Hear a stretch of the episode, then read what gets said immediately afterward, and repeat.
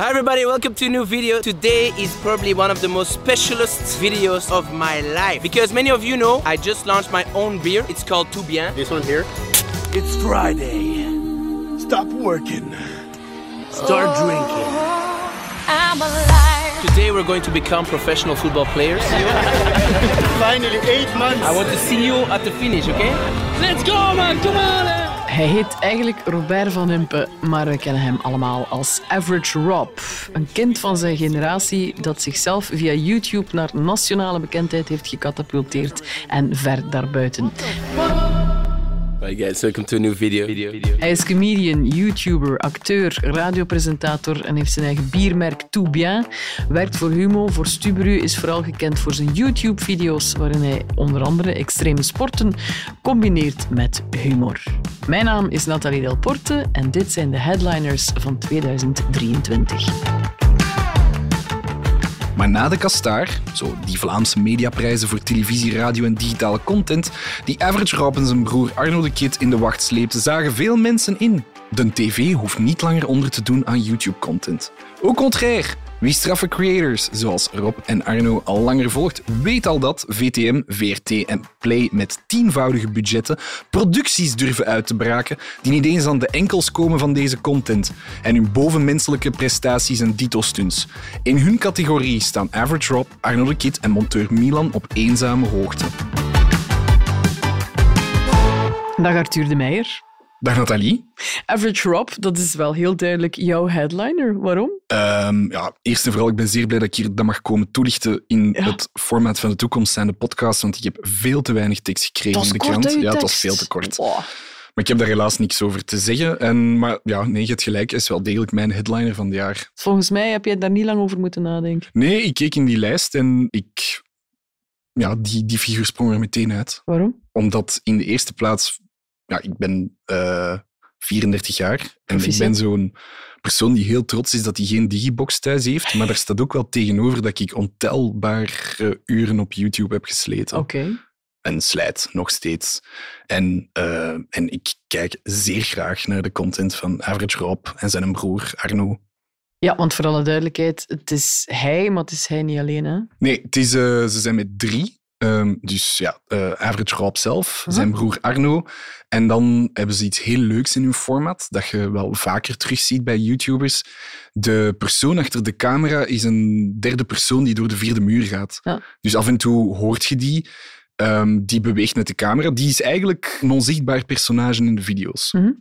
Ja, dus ze zijn met drie. Ehm, als je dat vergelijkt met... ah, je, ja, je zegt het zelf, jij kijkt vooral naar YouTube, Ja. dus niet naar de klassieke tv, veel ik- minder. Maar ik heb het letterlijk ook in mijn tekstje geschreven. Het, het hoeft niet onder te doen aan dingen die in primetime worden uitgezonden. En eh, dat is ook mijn voornaamste reden, is omdat hij zo'n breed, waarom hij mijn headliner is, hij heeft zo'n breed appeal Mhm. en hij spreekt zoveel mensen aan met zijn figuur, dat dankzij hem heel veel mensen dit jaar, ook, excuseert u mij, iets oudere mensen, hebben begrepen dat YouTube, of hebben ingezien dat YouTube-content niet moet onderdoen aan televisie. Ik heb begrepen, Arthur. Ja, maar nee, maar ik heb het niet over u, Nathalie. ik heb het dan Nee, nee. over letterlijk zo de ouders die zo naar hun kinderen zo "Ah, wat Ja. zitten die een hele tijd te kijken op die YouTube en TikTok, et cetera. Ja, naar... Maar jouw generatie en, en alles daaronder, ja. Ja. daaraan hoef je het niet meer uit te leggen. Nee, dat klopt. Iets ouder moet inderdaad zo'n beetje aftasten van wat is dat hier allemaal en dat ontdekken. Jij ontdekt het zelf, maar dat heeft ook te maken met... Je krijgt Ja. notifications van volg nu dat, volg nu dat, right? Ik, omdat ik het zoveel... Ik ben denk ik ook niet alleen een digital native, ik ben ook een kind van de algoritmes. En ja, intussen heb ik zoveel dingen bekeken dat YouTube perfect weet wat ik wil kijken. En dat is een heel bizarre mix.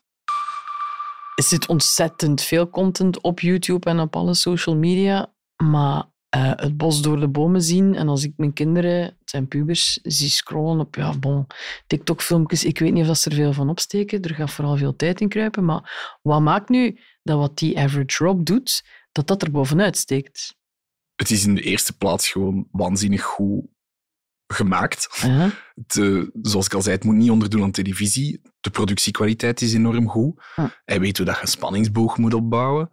Eh, bijvoorbeeld elke aflevering, zeker die van de extreme sporten, dat Mhm. start altijd met zo'n klein introotje en dan zo'n paar flitsen van momenten dat hij zich bijna of verwondt of dat het net niet misgaat. En Ja. ja, dat maakt wel dat je Dan wil je blijven kijken. kijken. En 9 van de 10 stelt het niet teleur, dus het is geen visuele clickbait. Mhm. En ehm, Ja, bij hem ook zoiets van, ja, het is sowieso moeilijk om, om één label op hem te plakken. Ja. Dus er zal altijd wel iets verrassends gebeuren waarvoor je sowieso. blijft zitten. En het is ook gewoon entertainend om naar te kijken.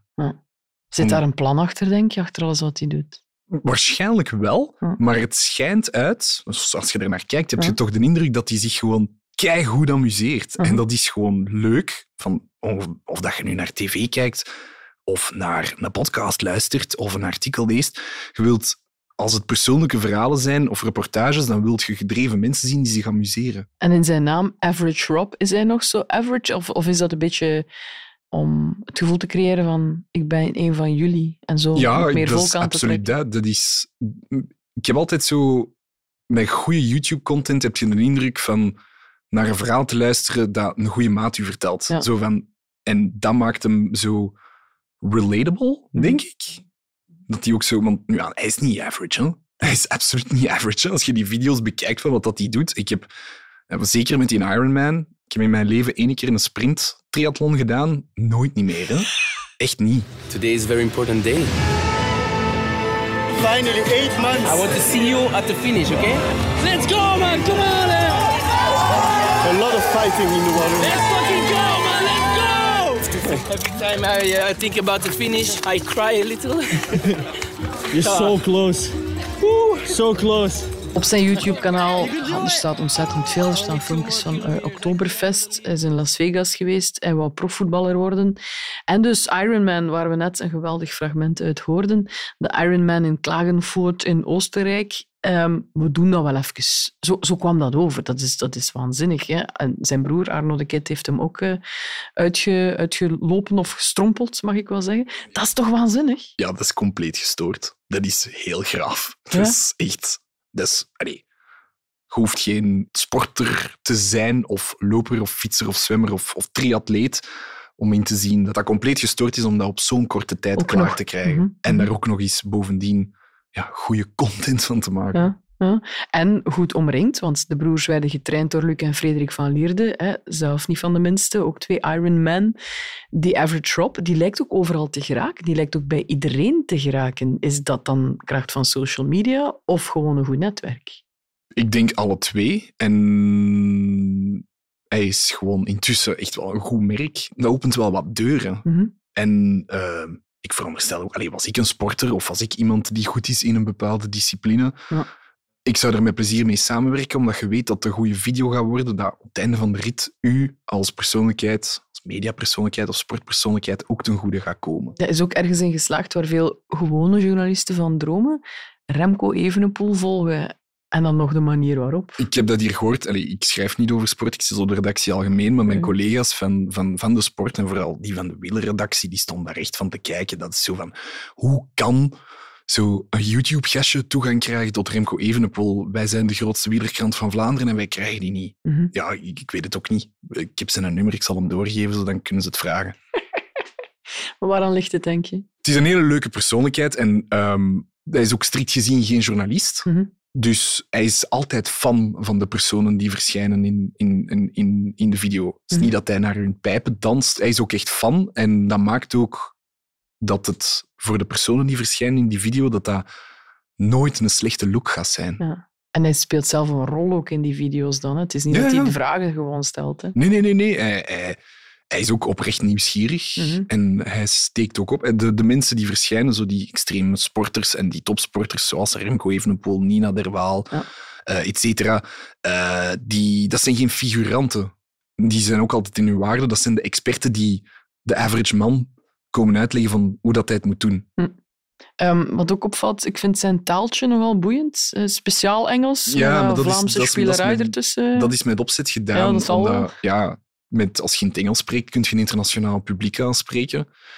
Doet je dan in het Nederlands, ja, dan bedient je alleen Vlaanderen. Er zijn maar 11 miljoen Vlamingen. Als je de Nederlanders erbij telt, ja, dat maakt dat je niet ver boven de 25 miljoen views kunt gaan. Hoeveel volgers heeft hij ondertussen? Ik heb het hier even erbij genomen. Op YouTube heeft hij 424.000 subscribers.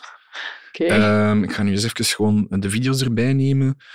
Ehm, ja, die met Mathieu van der Poel, zeer populair. 792.000 views. I tried death diving with Duits World Champions. Duits is, eh, dat is, een, dat is een discipline waar dat je van hele hoge plekken in het water springt. Au. 773.000 views. The Day I Became an Ironman, 1,7 miljoen views. Boah. Ehm, de aanloop naar de Ironman. Eh, I trained like a pro Ironman athlete for a week. 861.000 views. En dan wat dat helemaal straf is, is als je gaat kijken naar zijn Insta-following, 713.000. Door de band zijn, eh, hoe moet ik zeggen, internetpersoonlijkheden op één Ja. platform. En dat Ja. zijn er toch al minstens twee. Dat valt Dus, wel eh, op. En er zullen er hem eh, niet veel Belgen nadoen, ook niet. Hè? Denk het niet, nee. En als je die cijfers nu naast ja, reguliere tv legt... Ehm, ik heb die van deze week er eens even bijgenomen. Ehm, ter vergelijking, de slimste mens ter wereld. Mhm. Toch echt wel een populair programma. Daar heeft eh 1.125.000 mensen naar gekeken. Ja. Daar hebben, oké, het is wel over een langere tijdspanne, maar daar hebben meer mensen naar een half uur durende YouTube-video gekeken van een Belgische gast die Ironman wordt, gekeken dan naar de slimste mens ter wereld. Ja, dan zie je toch wel een en ander kantelen. Hè? Ja, toch wel.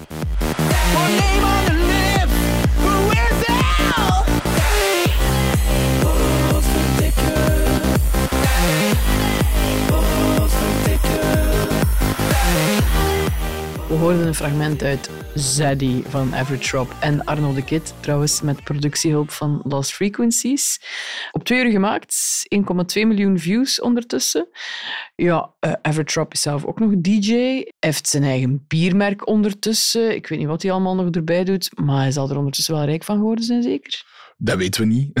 Ehm, hij heeft ooit in een interview met HLN eh, verteld dat, zijn, ja, dat hij met YouTube niks verdient. Ja. Zijn belangrijkste en gemakkelijkste bron van inkomsten eh, zijn, zijn DJ-werk is. Ja, En eh, ik hoop voor hem dat, eh, dat hij goede sponsordeals heeft in zijn video's, want daar verschijnen af en toe wel producten in. En ik ga ervan uit dat hij dat niet gratis doet. Ja. Like bijvoorbeeld, als ik het mij goed herinner, aten ze Foodmaker maaltjes ter voorbereiding van die, van die Ironman. ja product placement dat niet stoort. Nee, want het houdt steek. Ik bedoel, het zijn gezonde maaltijden ter voorbereiding van sport en niet, weet ik veel, een printermerk of zo. Ja. Maar dus met YouTube verdien je geen geld. Of weinig. Hij zegt van niet alleszins. Want hoe werkt dat dan? Als je iets, Ehm, wat, wat verdien je daar wel mee? Hoe, hoe wordt dat berekend? Dat is, dat is een heel goed bewaard geheim. Niemand wil dat ook echt goed uitleggen, maar naar verluid heeft het te maken met hoe family-friendly uw content is. Ja. Dan kom je bij YouTube in bepaalde schuiven terecht.